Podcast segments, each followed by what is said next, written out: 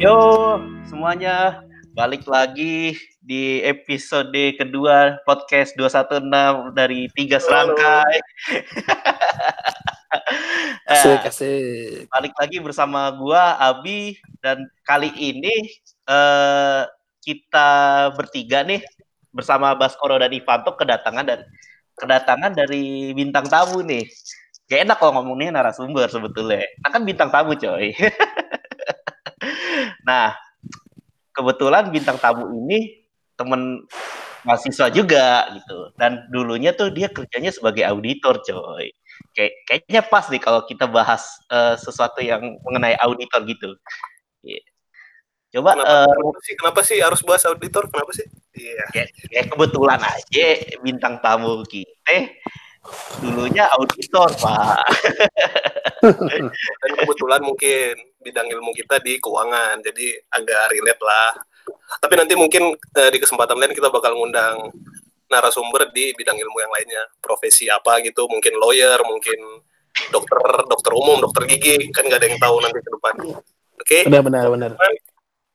Nah, daripada nunggu lama-lama nih, mungkin dari bintang tamunya bisa mau mengenalkan diri, terus mungkin ngejelasin sedikit apa sih auditor itu apa? Yeah. Oke, okay, eh, namanya dulu dong, Blay. sopan banget lu. Oh iya. Ya biarin aja doi yang ini kenalan. Ya, ya, ya, ya udah malam ini ya. menjadi milik dia ya. Iya. Oke, okay, halo teman-teman semuanya pendengar setia podcast Tiga Serangkai, asik. Uh, kenalin nama gue Dea. Uh, gue sebenarnya temannya Abi, Baskoro dan Ivan di kampus. Sama-sama lagi ngambil S2 juga di MM, jurusan keuangan. Terus, iya bener tadi kata Abi, gue uh, backgroundnya memang dulunya akuntansi dan sebelum lanjut S2 tuh sempat uh, kerja dulu selama tiga tahun di salah satu KAP di Jakarta. Mungkin demi kemaslahatan bersama kita uh, sensor aja ya namanya gitu ya. Jadi KAP ABC gitu ya. Nah, ntar kalau kalau kesebut juga bisa di tit gitu ya. Oke. Okay. sensor ya guys. Nah ya jadi selama tiga tahun setelah gue lulus tuh gue kerja di jadi auditor sebelum akhirnya gue lanjut uh, S2 di MM. Um, udah kali ya segitu aja. Apalagi. Ya, uh, sebenarnya uh, dari gue sendiri sih, gue sih udah kebayang auditor ngapain. Mungkin dari Ivanto dan Baskoro mau apa, uh, paham gak sih auditor itu apaan sebenarnya? Oke, dari gue dulu aja kali ya. Boleh, boleh. Pemahaman gue itu auditor itu kan uh, profesi ya. Auditor berarti kegiatannya auditing. Jadi kalau pengetahuan gue, auditor itu ya tugasnya buat ngaudit bukan cuman keuangan sih kayak uh, kayaknya ya, tapi aset perusahaannya, uh, terus uh, bahas masalah internal perusahaan lah lebih tepatnya. Mungkin kayak gitu sih. Jadi nanti uh, kalau uh, gue kan uh, S1-nya dari hukum, jadi profesinya lebih ke advokat atau pengacara atau lawyer gitu. Nah mungkin si si auditor ini juga uh, agak relate fungsinya seperti advokat uh, kayak ngasih konsultasi juga ke perusahaan-perusahaan. Bahkan uh, kalau perusahaan nanti mau melakukan apa buat laporan keuangan tahunan uh, si auditor bisa di hire untuk apa ya namanya ya merancang laporan keuangan perusahaan itu. Mungkin kurang lebihnya yang gue paham kayak gitu sih. Kalau Baskoro gimana Bas? Bas jangan tidur Bas. Oi Bas Enggak, enggak tidur bentar jadi ya kalau gue sendiri juga gue kan juga sebenarnya S1 nya ini jauh banget ya sama dunia S2 gue jadi gue juga ngerti auditor tuh cuma kayak semacam ngaudit si suatu perusahaan aja tapi kan sebenarnya juga baik-baik jenisnya itu ada audit akuntan apa namanya audit pemerintahan, audit keuangan, terus juga ada audit forensik. Nah itu gue pingin lebih tahu lebih lanjut sih itu maksudnya apa gitu loh dan bedanya apa. Gitu aja kali dari gue. Hmm, mungkin uh, dari ibu bintang tamu nih bisa ngelurusin mungkin auditor tuh sebenarnya ngapain sih? Oke. Oke, jadi sebenarnya, um, kalau yang banyak, uh, diketahui itu kan mungkin auditor itu ada auditor eksternal sama auditor internal. Jadi kalau auditor internal itu adalah auditor istilahnya, uh, unit salah satu unit yang ada di dalam perusahaan, dia gunanya untuk istilahnya, um, apa namanya, mengaudit atau mem memeriksa gitu ya, uh, internal operasional perusahaan gitu. Jadi lebih ke operasionalnya apakah berjalan sesuai dengan SOP yang mereka bikin atau enggak gitu. Nah, kalau misalkan gue itu lebih ke auditor eksternal. Jadi gue di-hire sama perusahaan uh, untuk memeriksa laporan keuangan mereka dan memberikan istilahnya memberikan jaminan gitu kalau laporan keuangan yang udah disusun oleh manajemen itu udah sesuai dengan standar akuntansi yang berlaku di uh, negara tersebut gitu di sini di Indonesia gitu. Nah, kalau misalkan auditor eksternal ini sebenarnya, um, mungkin pada bingung kan kayak sebenarnya uh, kerjaannya tuh ngapain sih gitu kan. Sebenarnya intinya ya yang tadi itu sih, kan kalau laporan keuangan itu sebenarnya yang bikin tuh manajemen ya, bukan auditor gitu. Tugas kita tuh hanya benar-benar ngecekin apakah laporan keuangan itu udah sesuai atau belum, udah sesuai, uh, bukti-buktinya sesuai atau enggak gitu, mengikuti standar atau enggak. Dan kita dan kayak kalau misalkan ada fraud nih ada fraud di perusahaan terus baru kejadian belakangan. Nah, itu sebenarnya sih nggak um, ada aturan kalau atau nggak ada kewajiban bagi auditor untuk uh, menemukan fraud tersebut gitu. Jadi sebenarnya fraud itu tuh tanggung jawabnya manajemen. Tapi kalau misalkan auditor tahu ada fraud, ya kita berkewajiban untuk menyampaikannya gitu. Kalau ini tuh ada fraud di perusahaan ini. Tapi sebenarnya bukan kewajiban kita untuk menemukan fraud itu gitu. Terus kalau audit foren, kalau tadi Baskoro sempat nyebutin auditor forensik, sebenarnya um, ada sih satu uh, di kalau misalkan di KPKP gitu ya atau di perusahaan konsultan gitu memang ada yang satu divisi tentang audit forensik itu misalnya emang untuk istilahnya menginvestigasi suatu kasus di perusahaan itu gitu. Jadi lebih memang lebih detail ke satu kasus uh, dan um, apa ya bukan regularly gitu dan belum tentu semua perusahaan itu nge-hire auditor untuk melakukan audit forensik itu gitu sih. Kayak gitu, guys.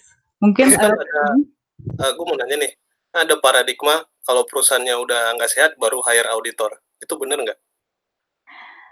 Uh, basically sebenarnya kalau perusahaan yang go public itu harus hire auditor kan. Perusahaan apa laporan keuangannya itu harus diaudit.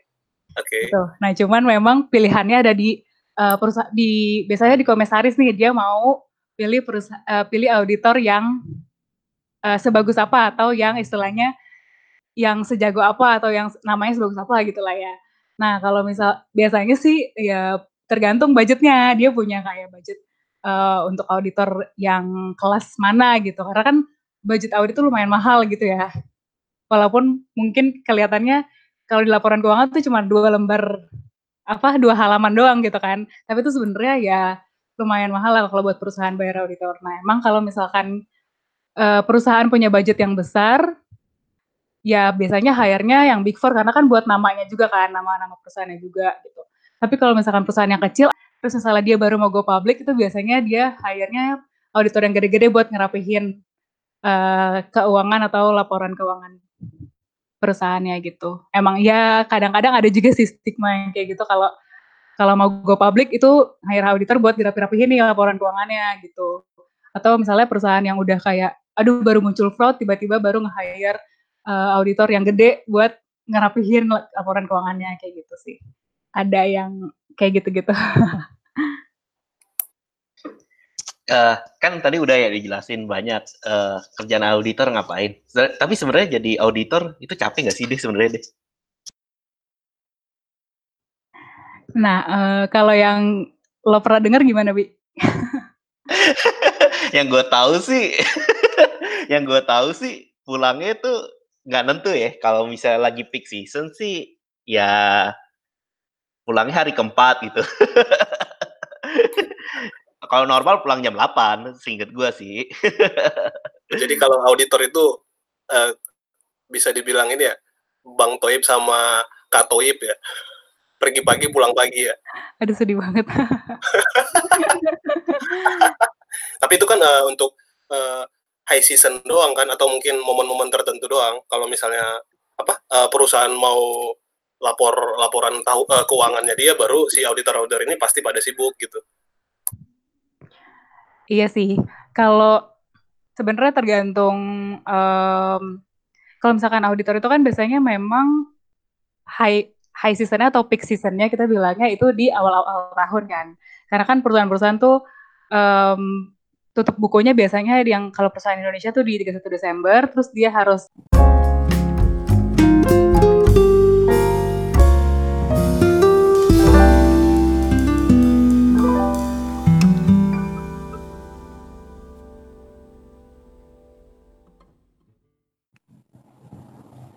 Iya, iya, iya. Halo, Iya. halo guys, sorry. Oke oke kalem kalem kalem. Gue Kalem, ulang kalem. kali ya. Iya, Iya. diulang aja deh nggak apa-apa deh. Nanti gua Iya. cut kok.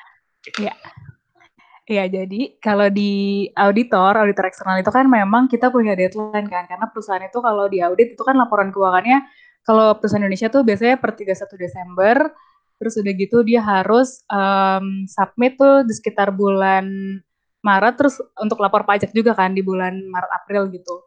Nah makanya dia, makanya kita benar-benar ngejar deadline itu gitu.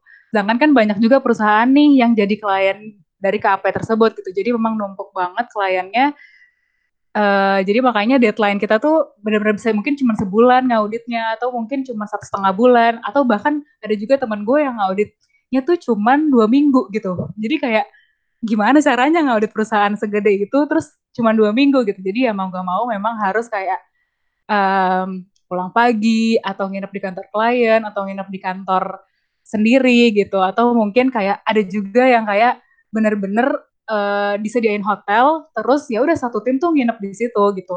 Atau kadang-kadang sama kliennya tuh nginep di hotel gitu biar gampang tektokannya komunikasinya gitu. Emang kayak bener-bener penuh suka dan duka sih jadi auditor gitu. Ya kalau sedih-sedihnya sih itu ya. Untuk masalah lembur-lemburnya capek-capeknya sih itu. Cuman emang kalau ditanya itu full satu tahun atau enggak itu tergantung gitu. Karena kalau kan klien tuh mungkin nggak cuman ada juga klien yang nggak tutup buku di 31 Desember. Ada juga klien yang tutup bukunya di tengah tahun. Jadi mesti di audit tengah tahun kan. Jadi ya setelah gue selesai ngaudit yang Desember ada lagi nih klien yang baru gitu. Jadi ya kadang-kadang juga peak season gue sepanjang tahun itu mungkin aja gitu. Terus juga ada klien yang misalnya em, harus issue bonds atau mau uh, reissue stock itu kan dia harus diaudit lagi karena em, laporan keuangannya tuh harus diupdate dan harus diaudit ketika dia ngeluarin uh, bonds itu gitu. Makanya itu juga kadang-kadang ada audit tengah tahun, gue lembur lagi, uh, tim lembur lagi, jadi ya benar-benar nggak bisa diprediksiin sih kapan gue bisa lembur, kadang kapan uh, bisa lowong gitu sih. Tadi tadi mungkin Baskoro kali ya pengen nanya. Gak tahu. Banget ya. Silakan Bas, silakan Bas. Enggak, biasa aja. apa Bas? Apa Bas? Monggo monggo monggo. Jadi kan ini ya, Pak, ini kan bahas auditor. Nah, sebenarnya kalau mau jadi auditor tuh ini nggak sih ada kayak sekolah keprofesianan dulu nggak? Jadi misal setelah lulus eh, S1 akuntansi harus ngambil sekolah keprofesian baru bisa jadi auditor apa bisa langsung jadi auditor? Terus apakah ada apakah disumpah dulu atau enggak? Karena kan beberapa profesi yang kayak menjamin sesuatu kan ada sumpahnya kayak arsitektur, perawat, dokter gitu. Kalau misalnya, um, gue kan sebenarnya masuknya tuh dari bawah ya, dari associate gitu kan, bahkan gue dari magang. Itu sih kalau pas kita masuk dari bawah, untuk jadi associate sampai sekitar um, asisten manajer lah gitu ya, kayaknya manajer-manajer gitu juga masih nggak apa-apa. Jadi kayak lulusan S1, akuntansi tuh masih bisa gitu. Tapi kalau misalkan emang benar-benar kita niat jadi partner, terus buka, terus misalnya mau tanda tangan opini, atau buka kantor akuntan publik sendiri itu harus uh, punya CPA gitu, Bas.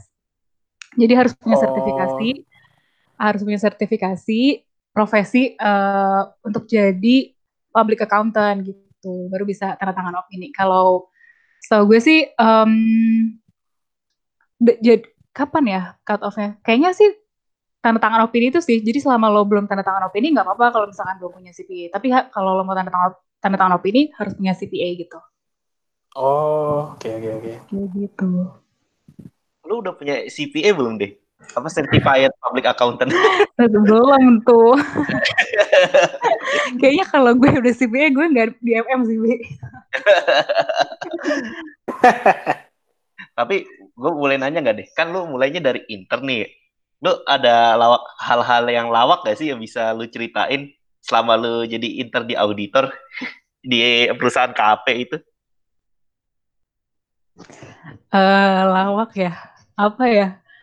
Mungkin gak lawak sih, tapi lebih ke kayak gue em, lebih ke kayak, aduh ngapain ya gue sampai kayak gitu gitu. Karena kan dulu waktu pertama kali masuk, gue eh, magang itu em, kebetulan di tim itu ada associate yang resign gitu. Kebetulan. Nah jadi gue itu ngerjain kerjaan dia. Jadi kayak gue anak magang ngerjain kerjaan associate gitu. Satu level lebih tinggi di atas gue. Terus di mana associate itu kan eh, istilahnya udah dikasih tanggung jawab untuk megang area audit kan. Jadi misalnya gue udah megang beberapa akun di laporan keuangan. Misalnya kayak gue ngaudit cash atau gue ngaudit eh, accounts payable dan misalnya gue ngaudit em, accounts receivable-nya gitu. Nah, itu benar-benar apa namanya? benar-benar pengalaman pertama banget kan buat gue dan gue benar-benar nggak tahu nih kliennya kayak apa udah gitu gue di eh, perusahaan financial service gitu. Jadi kayak bank asuransi gitu. Nah yang mana kliennya tuh lumayan em, challenging gitu. Karena sibuk dan pintar-pintar banget. Pengalaman gue adalah gue pernah nangis di depan tim gue karena dimarahin klien gue. Bener-bener kayak Eh, wah itu gue bener-bener gue gak bisa nahan nangis karena bener-bener dimarahinnya itu di telepon terus apa namanya benar-benar kayak gue minta data gitu kan kayak eh, sekarang kan gue butuh data buat eh, bukti audit gue gitu. Terus si kliennya ini tuh ya yang kayak dia nggak mau ngasih data sebanyak yang gue minta gitu sedangkan jumlah data itu tuh udah sesuai dengan prosedur audit kita lah gitu kan. Ya. gue udah kayak mohon-mohon segala macam gue udah, udah, udah udah sok tegar gitu loh. Terus itu benar-benar di depan tim gue yang berapa orang ya lima orang kali ya senior senior gue semua gitu kan. Saat itu gue paling curut lah gitu ya. Terus gue bener-bener kayak abis telepon ditutup gue langsung bilang kan gue belum nangis tuh kayak kak eh, kliennya nggak mau ngasih data gue bilang gitu kan. Kenapa? Gini gini gini, gini gitu kan. Terus udah gitu oh ya udah nggak eh terus pokoknya dia dia bener-bener nekan gue lah kayak ya coba mintain lagi coba mintain lagi kayak gitu gitu terus gue kayak nggak bisa nahan nangis gitu loh kayak udah mungkin gue ber- bercampur stres dan lelah juga gitu kali ya. Jadi kayak ya udah gue nangis depan tim gue itu malu banget kalau dipikir-pikir sekarang. Kayak ngapain ya gue nangis? gitu. Itu sih kayak pertama yang gue kayak ah anjir gue ngapain ya nangis saat itu? gitu sih. Terus tuh senior-senior lu gimana reaksinya? Senior gue kayak diem gitu kan shock gitu kayak ah kenapa deh? Yaudah deh nggak apa-apa deh nggak apa-apa gitu kayak nggak apa-apa nanti diomongin lagi aja ya udah tenang dulu tenang gitu. Maksudnya gue beruntungnya juga senior senior gue baik-baik sih semuanya gitu kayak em, apa ya bukan tipe yang marah-marahin atau tipe yang eh, ngasih pressure terlalu tinggi gitu-gitu enggak sih untungnya. Cuman kayak gue saat itu kan ya karena masih baru terus dapat klien yang wow gitu kayak kok galak banget gitu. Terus kayak kok em, apa namanya gue bener-bener nggak bisa nggak bisa apa ya gue juga nggak enak sama di satu sisi gue juga nggak enak sama senior gue terus di satu sisi gue juga nggak tahu harus gimana gitu kan sama klien ini. Jadi kayak gue bingung sendiri akhirnya kayak ya tumpah aja gitu di situ. Tapi kayak apa drama-drama kayak gitu sering gak sih deh kalau misalnya kejadian gitu? Misalkan pas lu kan lu udah udah lumayan lama tuh di kantor akuntan publik ya. iya. Drama-drama aduh selalu ada sih Bi. jujur ya kalau gue gue udah berapa tahun ya berarti? Kalau sama magang berarti gue empat tahun. Setiap tahun tuh gue pasti ada nangisnya sih. Kayak nangis stres antara nangis stres kayak karena ada karena kerjaannya banyak banget terus kayak nggak kelihatan gitu ujungnya di mana. Terus nangis karena misalnya atasan gue yang kayak aduh kok banyak banget ya permintaannya kayak gitu-gitu ada juga. Terus kayak misalnya ya itu misalnya ada ketika gue udah di tahun misalkan tahun ketiga gitu kemarin ya itu kan ada pressure dari atas ada pressure dari bawah juga gitu kan karena misalnya memegang beberapa eh, junior gitu. Nah itu tuh kayak setiap tahun tuh ada aja gitu dramanya sih.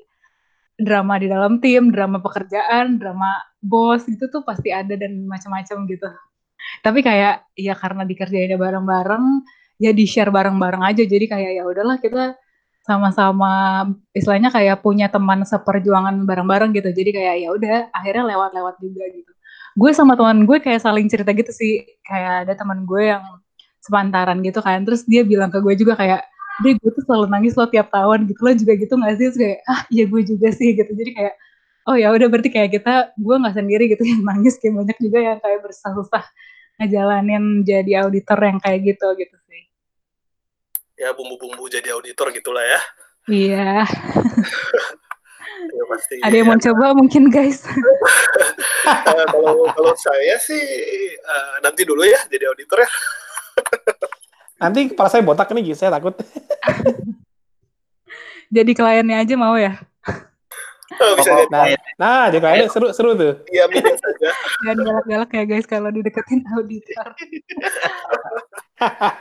mungkin eh, sensitifnya di masalah data kali ya iya Waduh.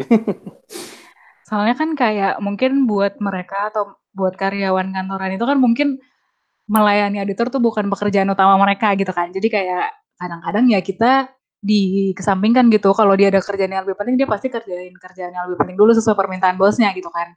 Kalau gua kalau buat auditor sih kayak nanti aja last minute gitu kali ya. Sedangkan kayak dia nggak tahu deadline kita juga segitunya gitu. Kalau nggak dikasih datanya ya laporan lo nggak rilis nih gitu. Kadang-kadang juga ya itu sih drama-drama klien yang kayak gitu yang kayak aduh gimana ya caranya gitu bikin mereka karena kalau misalnya nggak ada data dari klien juga auditornya nggak bisa kerja kan sebenarnya iya itu dia dan mereka kayak kok nggak ngerti ya kayak gitu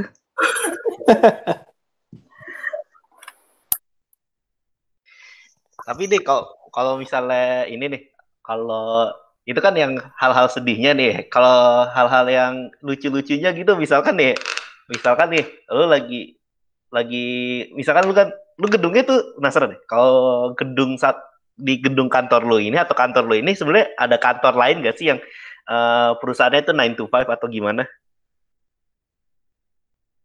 hmm, gue tuh kan kemarin baru pindah gedung kan. Kalau yang gedung lama itu ada ada ada kantor lain juga. 9 to 5 juga sih. Eh nggak 9 to 5 maksudnya bukan yang tipe lembur-lembur gitu tapi kayaknya 9 to 5 deh. Terus kalau kan- kantor yang baru itu hmm, gabung sama kantor lain juga tapi lift gue tuh kayak tersendiri gitu loh khusus buat KAP gue jadi kayak nggak nggak kegabung sama kantor-kantor lain gitu. Tapi kalau di bawah nih misalnya lagi di parkiran atau apa itu ya ada kantor lain juga yang pulangnya cepat. Dan pasti kita yang paling terakhir. Kayak yang paling sendiri nyala di atas gedung itu tuh kayak oh pasti ini kantor ini gitu.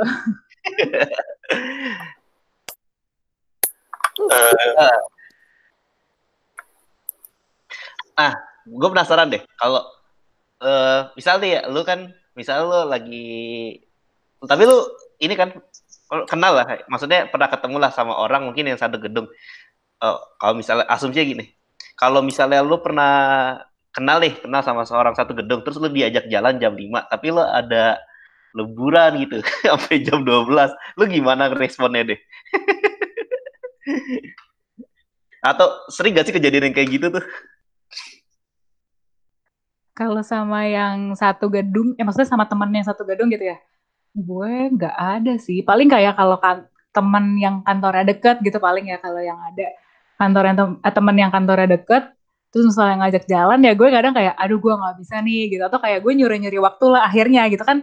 Kalau misalkan sore sore misalkan gue lembur nih gue tetap ada waktu makan kan. Kayak misalnya jam 7 sampai jam 8 gitu biasanya gue makan dulu gitu. Nah kadang kalau misalkan mau pergi sama teman atau uh, mau curi-curi waktu jalan ketemu teman itu ya sekitar jam segitu cuman sejam dua jam doang habis itu balik lagi ke kantor gitu sih.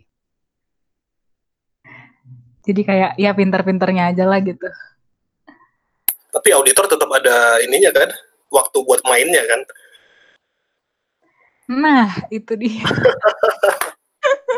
Ya, kalau denger cerita lu tadi ya anjir ini super sibuk berarti ya hektik sekali.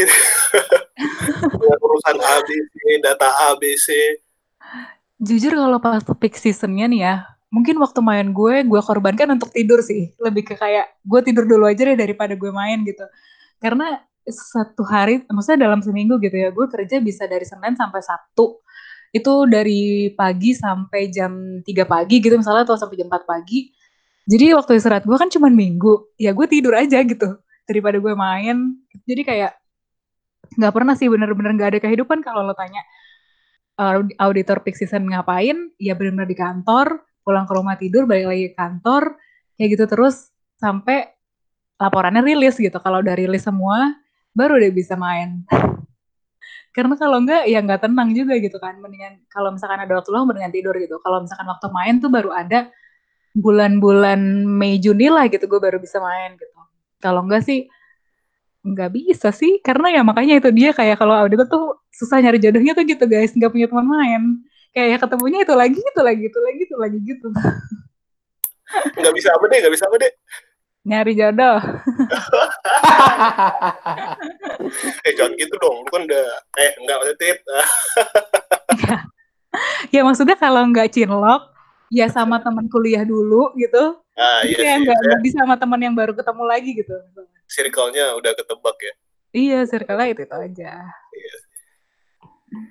tapi kan uh, waktu sebelum proses auditing ya berarti ini lu kan auditor di salah satu KAP berarti itu uh, sama aja namanya sama auditor eksternal ya?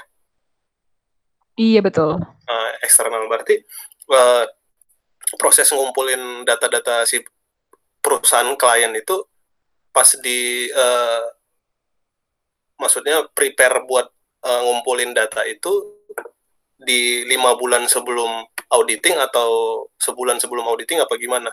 Kalau misalnya lima bulan gitu tuh, berarti emang lu nggak nggak punya waktu sama sekali buat main ke mana-mana jadi lu harus ngumpul uh, prosesnya ngumpulin data nge-audit uh, nge datanya apa segala macam apakah uh, proses ngumpulin datanya jauh-jauh hari atau sebulan sebelum lu ngaudit baru ngumpulin data. Jadi kalau misalnya sebulan sebulan sebelum lu ngaudit berarti ya memang benar-benar keteteran. Nah ini teknis banget sih kalau gue jawabnya. Karena kan audit itu prosesnya panjang kan, mulai dari planning, uh, benar-benar ya, rapat. Uh, uh, sorry, gue nanya kayak gini supaya uh, pendengar-pendengar podcast 216 uh, pada ngerti nih. Oke, okay, okay, gue jelasin dari awal ya. Jadi kalau proses audit itu lumayan panjang sebenarnya guys. Mungkin yang kelihatannya cuma yang di awal-awal tahun itu doang kan. Padahal sebenarnya enggak. Gue tuh kalau mulai audit, misalnya nih untuk satu klien, mulainya tuh dari bulan Agustus tahun sebelumnya. Jadi misalnya gue mau ngaudit untuk tahun 2020 gitu ya. Nah, untuk tahun 2020 berarti kan uh, nanti itu endingnya di 31 Desember 2020. Gue tuh mulainya nggak dari 1 ya, Januari 2021, tapi gue mulainya udah dari Agustus 2020 tuh udah mulai planning gitu. Oh. Jadi kayak okay. udah kayak uh, jadi misalnya partner-partner gue, manajer gue tuh udah gue tuh udah arrange meeting mereka ke um, direktur-direktur dari perusahaan ini gitu, klien gue. Karena untuk kita pengen tahu dulu nih mereka ada uh, mereka tahun ini tuh bisnisnya ada uh, kemaju atau, atau apa ya ada penambahan bisnis apa yang mereka lakukan.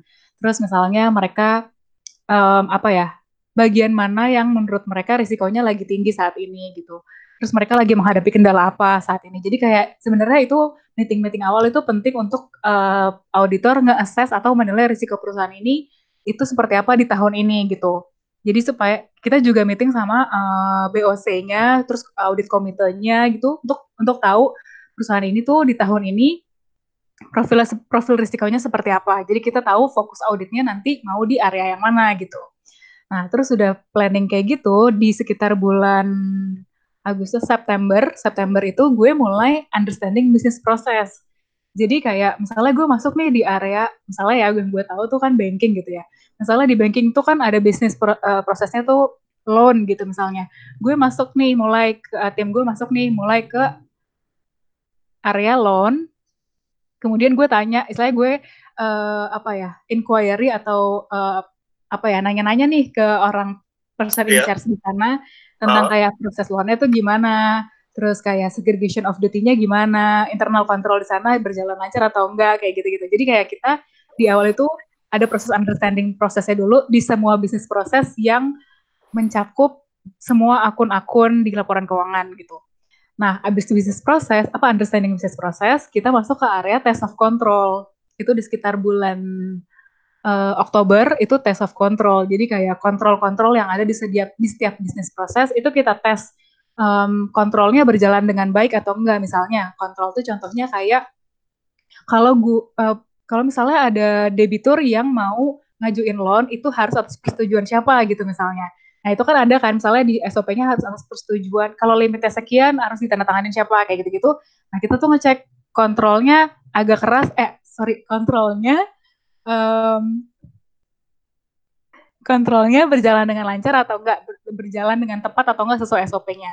Kalau misalkan kontrolnya oh udah oke okay nih, udah sesuai dengan SOP yang mereka buat udah oke, okay, baru kita nanti jalan lagi ke test of details gitu. Nah, test of details inilah baru kita ambil sampel gitu. Jadi berapa sampel yang kita ambil di test of details itu tergantung sama hasil test of control yang udah kita lakukan gitu. Jadi tergantung internal kontrol perusahaan itu berjalan dengan lancar atau enggak. Kalau misalkan test of controlnya gagal, itu kayak bisa sampel kita tuh banyak banget itu di test of detail gitu. Nah, okay. tapi belum, tapi kayak test of detail itu belum nggak bisa kita semua lakukan untuk semua akun. Kalau hmm. akun-akun PL kayak misalnya pendapatan, beban itu kan di setiap um, bulan itu kan berjalan kan, ada ya, tuh, ya, benar. Ya kan? Uh. Nah, itu bisa kita cicil untuk uh, ngetes sampelnya. Tapi kalau misalnya uh, untuk nge ngetes akun-akun balance sheet yang kayak as, uh, apa namanya fixed asset, kas, kemudian uh, utang, itu itu kan harus cut off-nya per tanggal 31 Desember. Gue yeah. harus nunggu tanggal 31 Desember dulu baru gue bisa audit ambil sampel. Karena oh. kalau gue ambil di misalnya gue ambil sampel di November, tiba-tiba di Desember udah nggak ada, tuh aset kan percuma gitu kan? Iya sih. Nggak mungkin nggak nggak bisa jadi sampel. Nggak gitu. bisa diaudit lagi kan? Karena iya, karena udah nggak ada gitu. Jadi kayak beberapa bisa ditarik memang di awal di tengah tahun, beberapa memang harus dites di um, awal tahun setelahnya itu gitu sih kusut juga ya ternyata ya. Parah. eh, jadi teman-teman eh, pada mau jadi auditor nggak ya? Ayo siapa yang mau guys? Mas Koro, dari tadi pengen nanya dipotong Mbak Ivan dulu. Hebat, hebat. Ah, iya. Sorry, sorry, sorry. Parah Ivan nih. Enggak, gue terlalu semangat. Maafkan teman-temanku. Tapi gini deh, lu kan sebagai auditor nih, asa nggak sih kayak work life balance-nya tercapai gak sih kan sekarang kalau milenial kan nyarinya kan bukan cuma work duitnya banyak tapi pingin work life balance-nya tercapai nah lu dengan tadi keadaan peak lu sampai nggak bisa tidur di hari biasa lu tidur baru hari minggu menurut menurut lu ini gak sih kerja sebagai auditor tuh capek nggak work life balance-nya Bas bilang aja lu pengen ngajak jalan nih Tahu aja lagi. Emang beda, nelayan emang beda. nelayan beda nelayan. Sebenarnya kalau masalah work life balance itu benar-benar jadi satu isu yang memang di jadi fokus juga sih buat bos-bos uh, gue waktu kemarin di KP. Jadi kayak mereka tuh memang concern banget masalah work life balance karena kita sebagai bawahannya tuh uh, apa ya mereka juga aware banyak pegawainya yang resign itu karena itu karena mereka nyari work life balance gitu kan. Dari yang yang nggak mereka dapetin gitu. Makanya dari sisi mereka pun juga mereka benar-benar kayak gimana nih caranya? gitu buat um, supaya karyawan gue bisa work life balance supaya uh, turnover rate kita rendah gitu mereka mulailah banyak tuh uh, rekrut-rekrut uh, asosiat baru benar-benar banyak banget pas zaman gue tuh bisa kayak anak barunya bisa 100 gitu padahal pas zaman gue itu cuma 30 gitu benar-benar kayak tiga kali lipat itu benar-benar mereka pengen um, apa ya nyebar pekerjaan yang ada supaya kita punya work life balance. Tapi memang ya tetap aja sih, maksudnya um, benar-benar ter gimana ya? Sebenarnya memang uh, kuncinya adalah time management kan kalau di kerjaan kayak gitu kan. Karena itu kan bukan kerjaan yang rutin kita kerjain ada deadline gitu. Itu benar-benar yang kayak tergantung deadline, tergantung atasan lo minta kapan, tergantung klien lo ngasih datanya kapan gitu. Jadi bener-bener kayak kalau diomongin work life balance, work life balance susah juga sih gitu kayak ya mungkin ada yang bisa dan mostly bi baru bisa kalau udah manajer gitu. Kalau masih yang kayak masih yang associate dan senior associate sih menurut gue agak susah ya gitu. Karena bener-bener kayak work workload kerjanya masih banyak banget gitu dan deadline-nya tuh ketat gitu. Kalau misalkan udah di manager, posisi manager ke atas, hmm, menurut gue bisa sih work life balance gitu. karena kalau udah di posisi manajer uh, umumnya mereka cuman uh, ini ya ngasih tugas ke tim ini tim ini tim ini tim ini beban kerjanya lebih rendah tapi ini ya apa namanya men bukan mental ya tanggung jawabnya lebih tinggi ya, ya. benar mereka lebih ke cuma nggak cuman sih maksudnya lebih ke mereka um, kasih tahu kita mau fokus di mana, cara kerjanya gimana, terus ya udah tinggal update update aja gitu. Jadi kayak gue mungkin seminggu sekali gue update ke manajer, terus nanti update ke partner gitu. Jadi mereka lebih ke mengawasi secara di atas aja gitu. Kalau ada isu baru turun tangan gitu. Tapi kalau yang sehari harinya nggak terlalu uh, apa ya, nggak terlalu turun ke bawah gitu.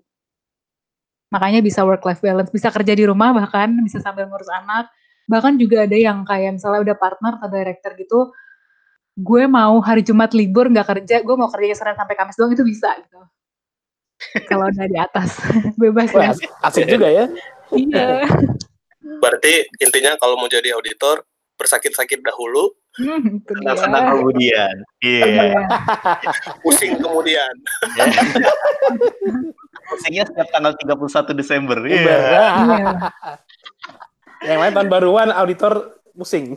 Nah itu dia. Yang lain tahun baruan teman gue ada yang stok openan di pabrik gitu kan. Gak dapet tuh tahun baruan. Ngitung-ngitung. kerdus-kerdus.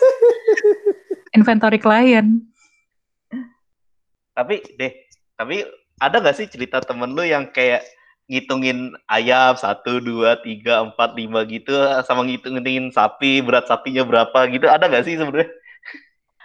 Gue pernah dengar ceritanya. Gue sih partner atau manajer gitu di uh, dia memang di uh, ngaudit perusahaan yang kayaknya peternakan gitu lah ngitungin anak ayam gimana sih susah kan gitu di kandang gitu. Di situ dia di pedalaman terus dia kayak masuk ke situ tuh benar-benar harus didesinfektan dulu disemprot desinfektan dulu biar steril. Terus yeah. udah gitu masuk ke sana ya udah dia ngitungin ayam tuh kayak gimana caranya? Emang lari-lari gitu kan.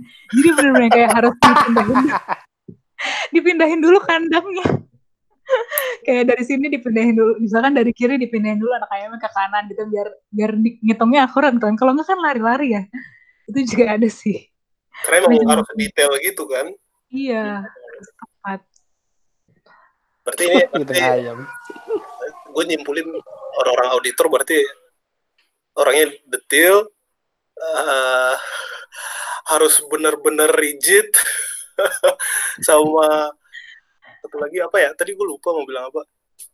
Sama apa ya teliti kali ya? Ya teliti detail sama sih harus kayak gitu sih karena emang emang uh, basic kerjanya kayak gitu ya mereka terbiasa dengan kerjaan seperti itu ya ngebentuk dirinya juga bakal kayak gitu Iya sih, sebenarnya ya dan tergantung juga sih kayak um, lo tuh pas pertama kali kerja itu kerja bos lo tuh siapa. Jadi kayak kalau kata senior gue saat itu adalah bos lo pertama kali itu akan mencerminkan lo nanti di sana akan jadi seperti apa gitu. kalau misalkan pas pertama kali lo dapet bos yang santai-santai lo akan ikutan santai-santai maksudnya slow-slow gitu tapi kalau pas pertama kali lo dapet bos yang strict yang galak misalnya atau yang kayak ya itu tadi detail banget ya lo akan ketularan gitu sih. Oh ya. Berarti uh, lo dapat dapat bos yang detail ya. sebetulnya sebetulnya kan kita pernah nge-shout out nama lu deh sebenarnya deh di episode pertama kita kalau lu sadar. Gue gak sadar ya, gue dengerin lo padahal. Jadi sebenarnya bos lu tuh rajin sama pinter dong sebenarnya. Apa gimana? Eh. menurut gue menurut gue sih bos gue di sana semuanya pintar sih benar-benar kayak um, karena yang bertahan di sana itu berarti yang mau belajar menurut gue ya yang bertahan di sana sampai kayak tahap manajer tuh yang kayak pinter mau belajar terus kayak mau apa ya mau ya detail tadi karena kan lo nggak nggak cuma ngerjain kerjaan lo lo harus ngecekin semua kerjaan bawahan lo gitu. Karena kalau bawahan lo salah ya itu tanggung jawab lo gitu. Jadi kayak nggak bisa tuh yang kayak terima jadi aja kerjaan dari bawahan karena kayak misalnya nih gue senior terus kerjaan gue eh apa um, bawahan gue submit kerjaan gue harus nge-review dulu kan karena nanti akan review sama manajer gue. Kalau kerjaan yang gue review itu salah yang kena tuh gue bukan bawahan gue gitu. Jadi kayak ya harus ya mau nggak mau harus detail dan gue jadi ke bawah detail dari yang tadinya slow slow aja kayak wah nggak bisa nih gitu karena gue yang gue yang malu gitu kan kalau misalkan tiba-tiba kerjaannya ada yang salah kayak gitu-gitu ya ke bawah sih gitu secara nggak sadar Iya benar. uh, jadi uh, intermezzo dulu ya teman gue juga ada kayak gitu yang di media salah satu media di Indonesia. Uh, dia sekarang dia udah editor. Jadi sebelumnya uh, jadi jurnalis di media itu, sekarang editor. Nah emang kayak gitu uh, flow-nya. Jadi mereka nggak bisa menerima mentah-mentah gitu aja hasil liputan war, uh, jurnalisnya. Jadi mereka juga harus uh, review hasilnya gitu-gitu dan bayangin aja kalau misalnya dia megang ada lima, uh, lima atau enam jurnalis dia bakal nge-review lima atau enam tulisan itu kan harus kayak gitu sih sebenarnya emang iya ya auditor. Iya kok gue yakin setiap pekerjaan juga gitu. Itu teman apa teman, Van? ah Nah, itu teman dia laki-laki bahas ya kan? Oh, cewek mulu. Nih, nih, lu nanya deh. Kan lu udah auditor nih. Kalau misalnya diajak pernah jalan, pernah jadi auditor pernah aja. bos pernah kalau bos diajak jalan pakai motor Supra, lu mau nggak deh? oh saya tidak asing ya.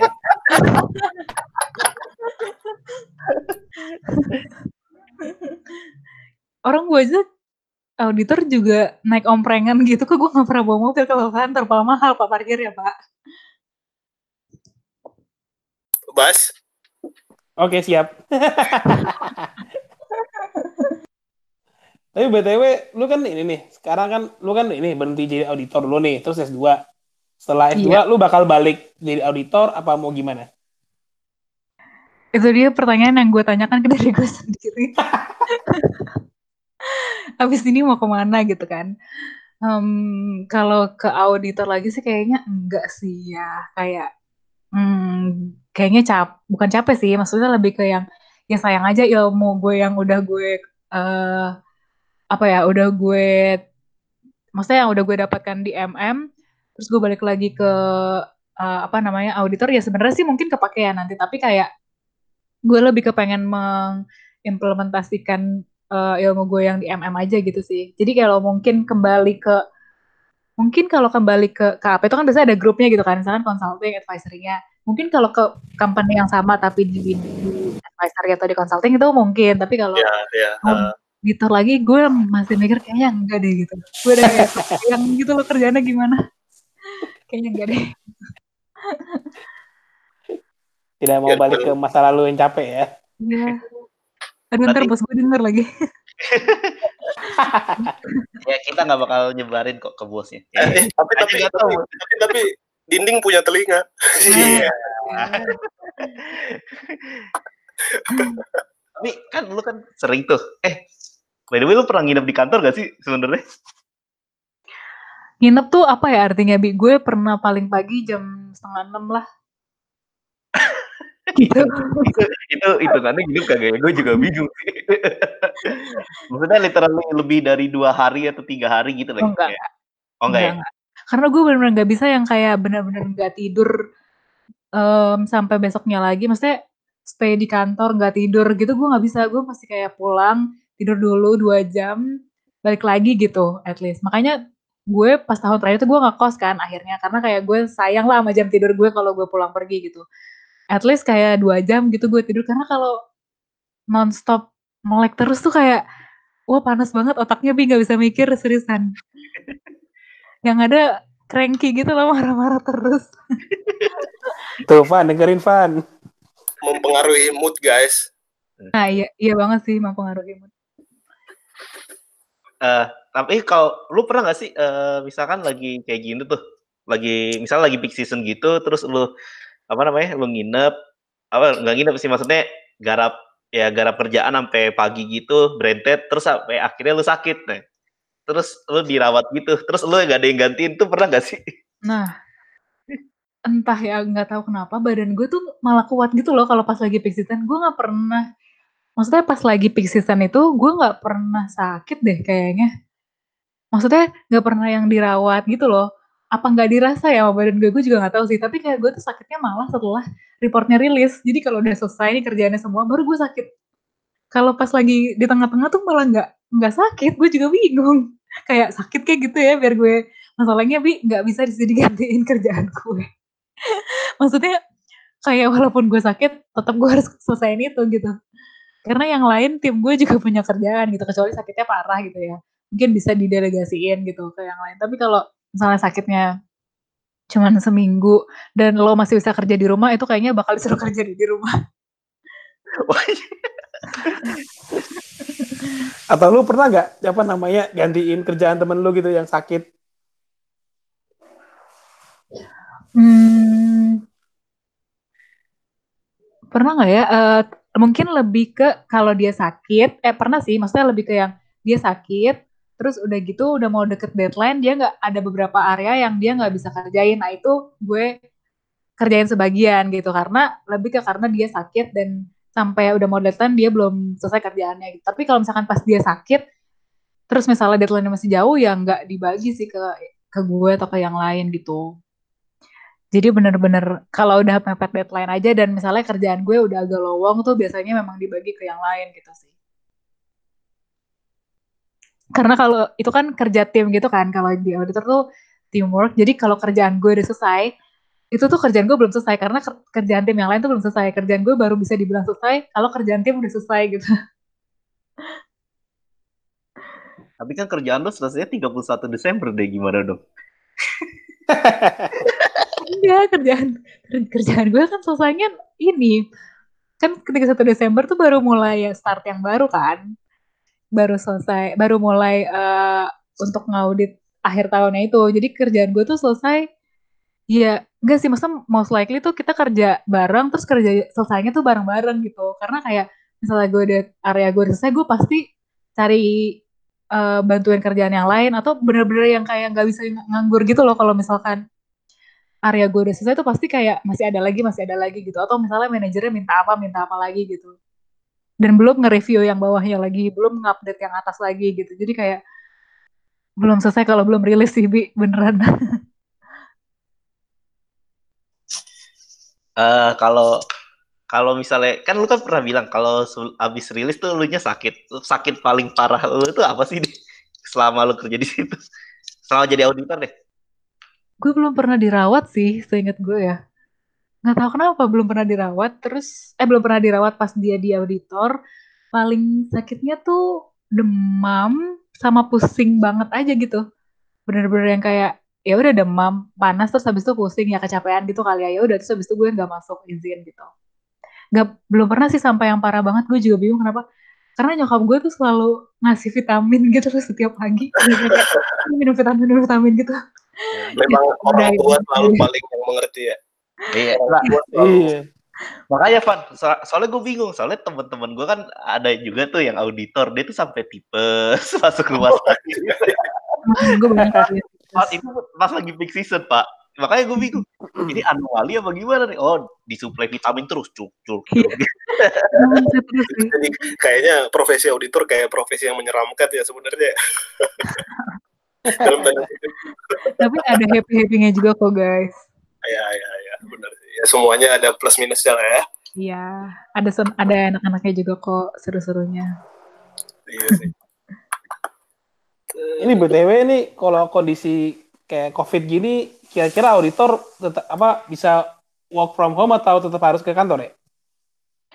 Bisa kok work from home semua semuanya sih setahu gue work from home ya teman-teman gue work from home. Gak di nggak nggak harus ke nggak boleh ke kantor malah karena emang kemarin juga ada ada maksudnya ada isu-isu gitu lah ya di kantornya gitu kayaknya. Terus abis itu um, cuman memang kendala banget sih kalau lagi kayak gini. Karena kan semua kliennya itu juga lagi work from home kan. Datanya tuh mereka ngeluh ya seret banget gitu karena kliennya gitu maksudnya ya gitu work from home juga gitu dikejarnya susah karena kan biasanya auditor tuh ke kantor klien bener-bener ditemuin langsung di depan mukanya dimintain datanya gitu kan. Nah ini kan kalau kalau cuma via telepon doang tuh agak powernya tuh kurang gitu buat mintain data. Paling terkendala data sama kayak kalau mau rilisnya sih kayaknya ya agak susah karena kan biasanya tuh untuk um, menjelang rilis tuh kita harus nge ngecekin report kan, ngeprint dulu reportnya dicoret-coret terus diskus sama klien, eh diskus sama klien, diskus sama manajer sama partner. Nah, itu mungkin pas reportingnya kayaknya ya agak sulit karena benar-benar harus modal printer sendiri gitu buat ngeprint ngeprint gitu. Ya berarti uh, lu sekarang S2 tapi teman-teman lu masih berjuang sebagai auditor sekarang. Dan, yeah. dan mungkin mereka juga punya keinginan yang sama sama lu. Ah, apa gue S2 dulu ya berarti nggak mau jadi auditor lagi tapi malah ke divisi lain misalnya divisi apa namanya kalau kalau di kita ad, advocate ad, uh, advokasi advokasi konsultan nah. uh, ya salah satu cara yang bagus sih keluar dari auditor terus pendidikan tapi deh deh mau nanya deh. Kan ya, lu kan udah ini nih udah ikutan podcast kita nih. Kalau menurut lu opini lu soal podcast kita apa? Wajar apa nggak wajar? Wajar karena pengecualian atau disclaimer ya? Kalau gue sih wajar lah kayaknya masih wajar ya. Wajar dengan catatan lah ya bi. Oh ya ada catatan. Gak apa-apa, eval evaluasi, evaluasi. enggak, enggak.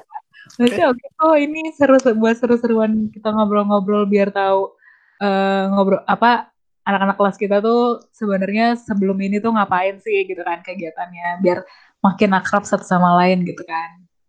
Walaupun di tengah pandemi kayak gini nggak pernah ketemu, tapi biar masih bisa ngobrol-ngobrol. Iya, uh, benar. Dan ya kita buat podcast ini juga kan uh, buat jadi obat teman-teman juga. dengerin walaupun bosen juga dengar suara kita tiga orang-orang konyol. Suara nggak ada yang bagus lagi. At least ya kita mencoba menghibur teman-teman juga.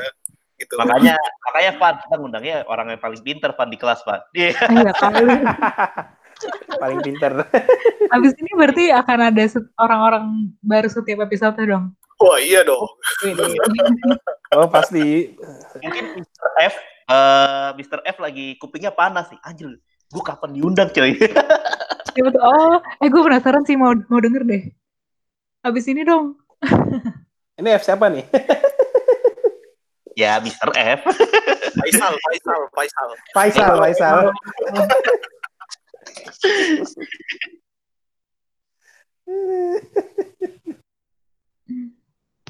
Oke, uh, jadi ini gimana kesan pesannya rasanya diwawancara sama kita bertiga nih?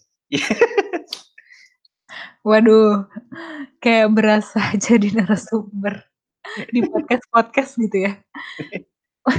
gue awalnya kayak, aduh bingung nih mau ngomongin apa ya gitu kan, takut kayak, uh, pertama sih awalnya takut kayak, maksudnya ini kan membawa profesi gue yang lama gitu kan, gue takut salah ngomong yang satu, yang pertama terus kayak cuman gue kayak eh ya udahlah kayak gue sharing-sharing biasa aja sebenarnya gitu kan nggak perlu yang kayak gimana-gimana sebenarnya kayak ini kan buat kayak sharing pengalaman ngobrol-ngobrol juga suka duka uh, jadi auditor jadi kayak gue seneng-seneng aja sih terus kayak ya, ya happy juga buat nambah info ke teman-teman juga siapa tahu ada yang habis nah.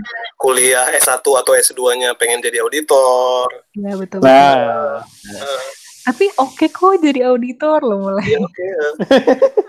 jadi batu kerjanya, loncatan. Kerjanya banyak, yang didapat juga lumayan. Ya, kan? Lumayan, alhamdulillah. ya, pengalamannya banyak, pengalamannya banyak. Pengalamannya banyak, ilmunya banyak sih jadi auditor. Jadi uh, uh, buat para pendengar ada pesan nggak deh, kira-kira deh? Uh, apa ya? Pesan oh, buat teman-teman yang pengen jadi auditor deh. Sebenarnya sih menurut gue pekerjaan di mana pun tuh pasti ada challenge-nya masing-masing lah ya, ada tantangannya masing-masing gitu. Mau lo jadi auditor, mau lo kerja di company biasa, mau lo jadi lawyer, kayak itu punya tantangannya masing-masing, ada um, suka dukanya masing-masing gitu. Kalau menurut gue, kalau lo memang pengen nyoba, penasaran, uh, gak apa-apa sih coba aja gitu. Karena menurut gue banyak banget lah hal-hal yang bisa didapetin pas lo jadi auditor. Bener-bener lo terjun ke lapangan lo diskus sama klien dapet banget uh, hard skill sama soft skillnya gitu. Karena percayalah yang lo dapetin di kuliah di bangku kuliah tuh kayak nggak ada apa-apanya. Maksudnya itu baru sekecil itu gitu dibandingkan dengan yang ada di dunia um, apa namanya yang ada di di dunia pekerjaan yang sebenarnya kayak gitu sih. Tapi kalau misalkan emang ya cobain aja dulu. Tapi kalau misalkan emang ternyata di sana tidak sesuai dengan passion, ya nggak apa-apa sih lo. Maksudnya kalau selama masih muda mah nggak apa-apa cari cari coba-coba pekerjaan yang sesuai dengan passion lo gitu sih. Dan jangan lupa kalau sekarang ini kan masih ada waktu tuh di, di rumah aja sambil nge-scroll nge-scroll nih pekerjaan-pekerjaan yang cocok buat kalian apa sambil kepo-kepoin juga kerjaan-kerjaan yang kira-kira sesuai dengan aduh kayaknya ini seru nih gitu itu kan ya, lumayan benar, benar. Banyak waktu nih sekarang gitu jadi kayak sambil di rumah aja sambil cari banyak info gitu bener-bener kalau lu emang pengen jadi auditor misalnya teman-teman pengen jadi auditor ya nggak apa-apa dicoba aja lu nggak bakal tahu jawabannya kalau nggak nyelam di situ nah, oke okay? Iya. guys you never try never know Nah. Gila.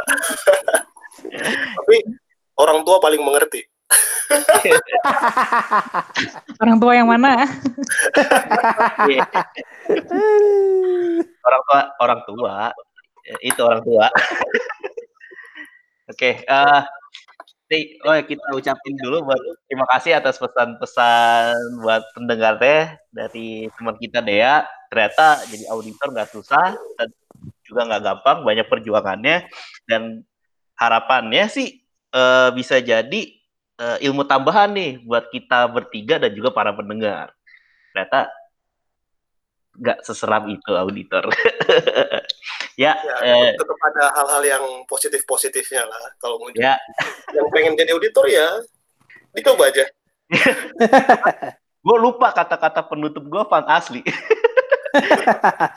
Jadi ya, sebelum ditutup ya uh, kita juga nyaranin ke teman-teman ini kan kondisinya lagi nggak enak banget nih lagi ada pandemi ini ya kita saranin teman-teman semua ya stay safe di rumah dulu aja ya kan. Di rumah juga bisa tetap produktif teman-teman bisa ngelakuin apa aja. Nah ya dengan di rumah juga kita bisa memutus mata rantai penyebaran virus ini ya kan? Oke. Okay. okay. ketua gugus terima kasih Dea. Terima kasih Dea. Nah. Terima kasih ya thank you ya demikian podcast dari podcast 216 yang dibawakan oleh tiga serangkai.